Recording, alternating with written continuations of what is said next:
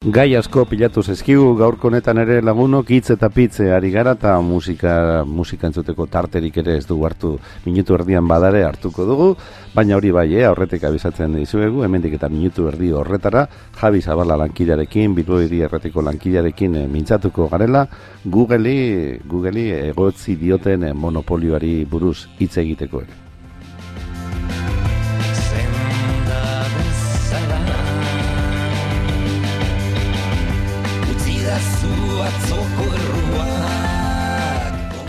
Ez dut esan eta esan behar nuen eta erki zuzendu dit eh, Josu Zabala teknikariak eze kanta entzuten ari garen. Doktor Deseo taldearen disko berritik, iguali diferente diskotik, Euskaraz dagoen eh, kantua. Badakizue beti, erdaraz kantatu arren ohitura dutela Doktor Deseoko lagunek Euskarazko tal kantu bat etxertatzeko beren diskoetan. Oraingo honetan, Marta Ortizen hitzak dituen gustatzen zaigulako kantua txertatu dute.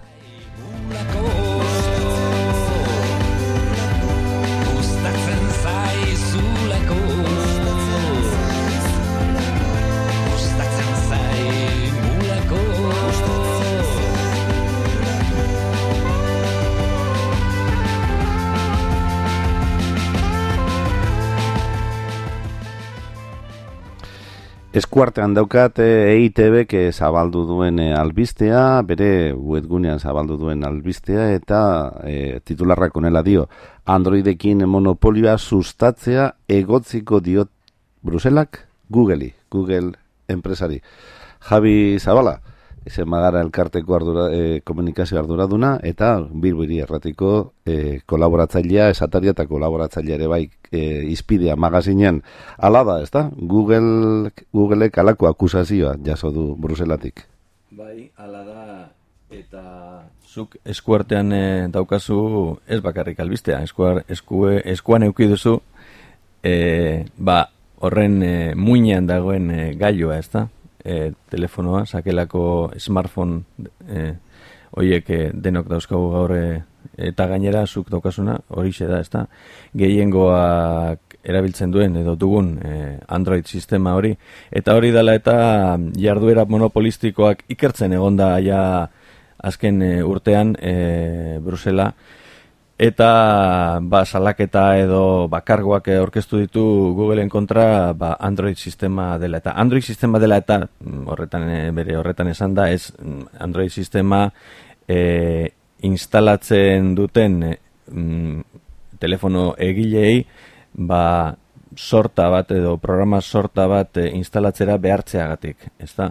Hor badago universo edo galaxia Google bat esango dugu eta mm, Mountain View, Kaliforniako erraldoi horrek e, sortu zuen hasieran bilatzaia, baina gero smartphoneetan e, instalatzen den sistema eragilea, eragilea e, Android, beste batzuk dira esaterako gaur egungo kuota mm, aztertuta e, baina oso oso atzetik e, iPhone, beraz iOS deitzen dan sistema eragilea eta horren atzean dagoen enpresa da Apple, ezta? Bueno, ba, Androiden atzean dago Google, merkatuaren larogeita zazpi zeukaniaz, gaur egun uste dut merkatuaren larogeita mapiko dela ja. Osa, berea da merkatua esan diteke, Javi. Bai, bueno, haue garatu da e, denboran e, gogoratzen baldin badugu orain urte batzuk e, jaunda jabe zen Nokia, eta non geratu da Nokia ba, ahaztuta hor non baite e, ezuelako e, apostu egin sistema eragile sendo batengatik eta orduan bere sistema eragilearekin geratu zen eta azkenean, bueno, ba, erdi, bueno, efekto praktikoetan desagertuta dago, ez da, Nokia. E, Googleen kasuan, e, nik uste dut imitatu duela bere garaian e, Win, e, Microsoft enpresak e, egin zuena. Beraz, mm, ez dute egiten gailua, Appleek ez bezala ez dute egiten gailua, baizik eta enpresa edo marka askok egiten dituzten gailu hoietan funtzionarazteko erabiltzen den sistema eragilea beraiek egiten dute, baina ez gailua, hau da, egiten dute softwarea, baina ez dute egiten hardwarea. Appleek berriz e, beste eredu bat du, eta dena egiten du. Egiten du gailua eta egiten du sistema eragilea. Baina e, Microsoftek eh, hori egiten zuen, ez ba, edo hori egiten du, Microsoftek dauka Windows deitzen den sistema eragilea, eta e, fabrikante anitzek egiten dituzten e, ordenagailuetan esartzen dan sistema eragilea da.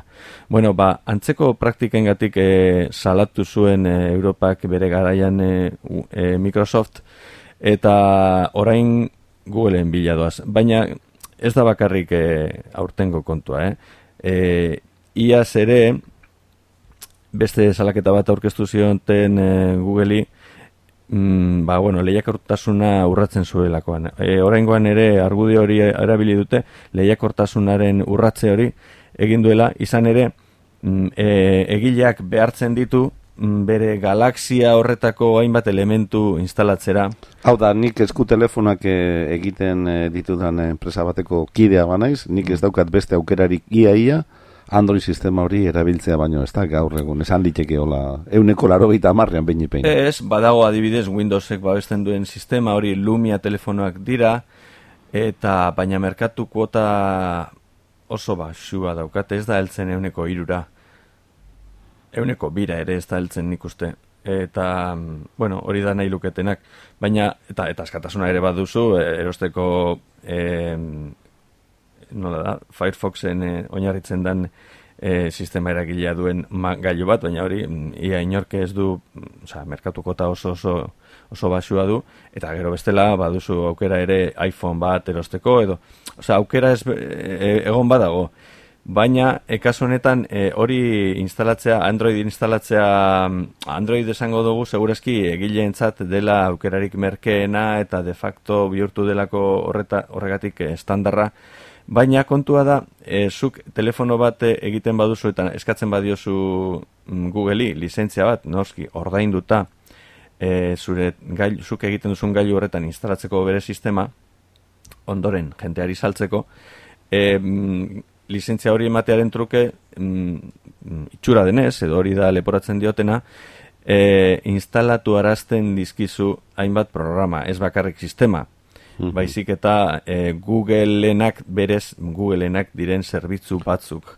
Osea, Googleek bere buruaren alde egiten dituen e, sartzen Hori dituen da, ba, Google, e, Google Music, e, Google Maps, Google e, Now, eta horren atzean dago gero mm, beste debate bat, ezta? E, Googleek gailu hauei esker inoiz baino gehiago daki e, guri buruz eta erosle bezala, azkenean hori da bere negozio eredua datuak gurutzatzea gure bizitzaren arlo anitzekoak, eta hori egiten duen gailu perfektua da smartphonea, telefonoa. Izan Aipat, ere... Aipatzen da, barkatu jai, aipatzen da, poliziakoek baino datu gehiago dutela gutaz, ez da? Askoz gehiago, eta gainera guk e, berariaz emanak, mm, guk e, baimenduta, orduan ez dago gaur egun, ustakit, e, espiatzeko ez da ja, garaibateko figura hori ez da polizia bat e, telefonikako langilez mozorrotuta igotzen zela horre eskilara batean eta pintxatu egiten ziguela telefona. Bueno, gaur egun poliziak adibidez pintxatzeko telefona ez dauka horren beharrik,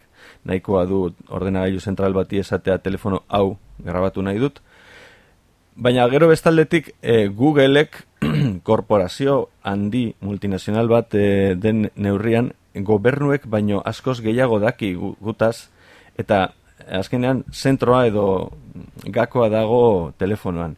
Ze telefonoan e, egiten dugu gure bizi moduaren gauza, bueno, zentroa bihurtu da. Bai, bai.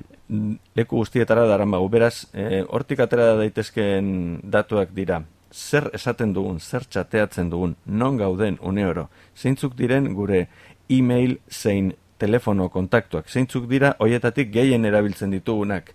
Orduak. Zer, dana, nora, nora goazen, norekin elkartzen garen, e, zer bilatzen dugun, zer erosten dugun, e, eta gero hor dauden aplikazioak ere, hoiek eskatzen dute normalean, e, baimen horiek ematea eta gehienetan guk e, automatikoki onartu, onartu, onartu egiten ditugu letra txikiak e, irakurri gabe eta letra txiki hoietan dago gure konsentimentua, gure, zera, ez, gure baimena ba, erabiltzeko bai.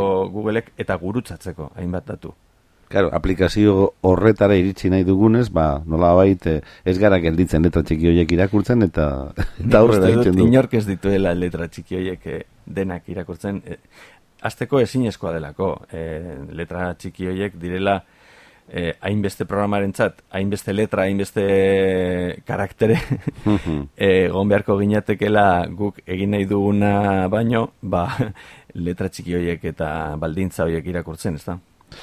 Imaginatzen dut Javi, orain e, bufete batzuk eta lanean e, ibiliko dira Googleek ondo ordainduta eta beren argudiotako bat izan daitekela merkatu libre batean gaudela eta telefono e, gile koizle hoiek e, modu librean aukeratzen dutela Android e, sistema e, txertatzea beren telefonetan horrela gehiago salduko dutelakoan, ezta?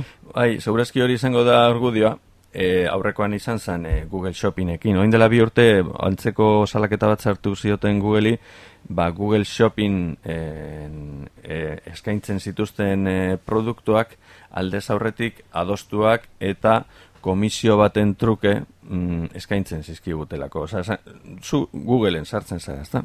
Eta demagon, bila, e, bilatzen duzula LG TV edo Samsung TV, telebista bai. bat nahi duzulako bilatu erosteko. Eta e, fijatzen baldin bazara hor badago dena eta gero badago beste pestainatxo bat shopping deitzen dena. Eta inkluso shoppingera sartu barik ere, hemen agertzen zaizkigu e, resultados de Google Shopping para ta, ta, ta, eta hor dago letra txiki bat, i bat, informazio zea bat, por qué estos anuncios da hor esaten du, mm, ba, balitekeela Googleek e, kompensazio bat e, jasotzea hornitzaile hauetako batzuengatik, bueno, baliteke ez, seguru, eta gainera, hoiek dira bakarrik, beraek alde zaurretik, berarekin adostutako mm, komertzianteak, ez da? Orduan, e, lehiakortasuna aurratzen zuela, argudiatu zuen e, Bruselak, eta hor dago oraindik e, e, bueno, salaketa hori dago, e, eskatzen zuten, e, izun bat, horren ondorioz, izan zitekela, e, berak egin duen negozio volumenaren euneko amarrera ino, eta horrek suposatuko lituzkela 6 mila eta piko milioi euro. Wow.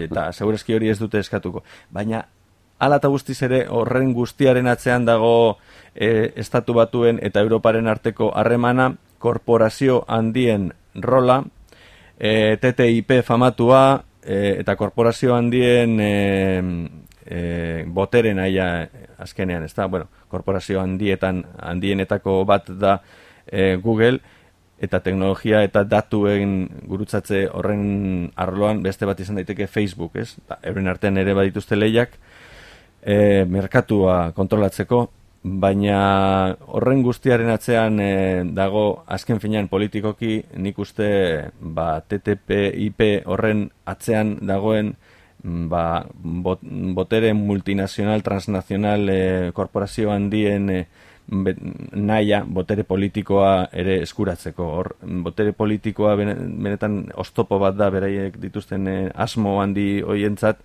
eta horregatik bultzatu dute bestek beste horrelako akordio mm, transnazional e, e, oiek, handi oiek e, Pazifikoarekin, Europarekin, apur bat mm, horrelako beraientzat oztopo diren e, ba, elegite e, salaketa eta alakoak e, ekiditeko, ez da?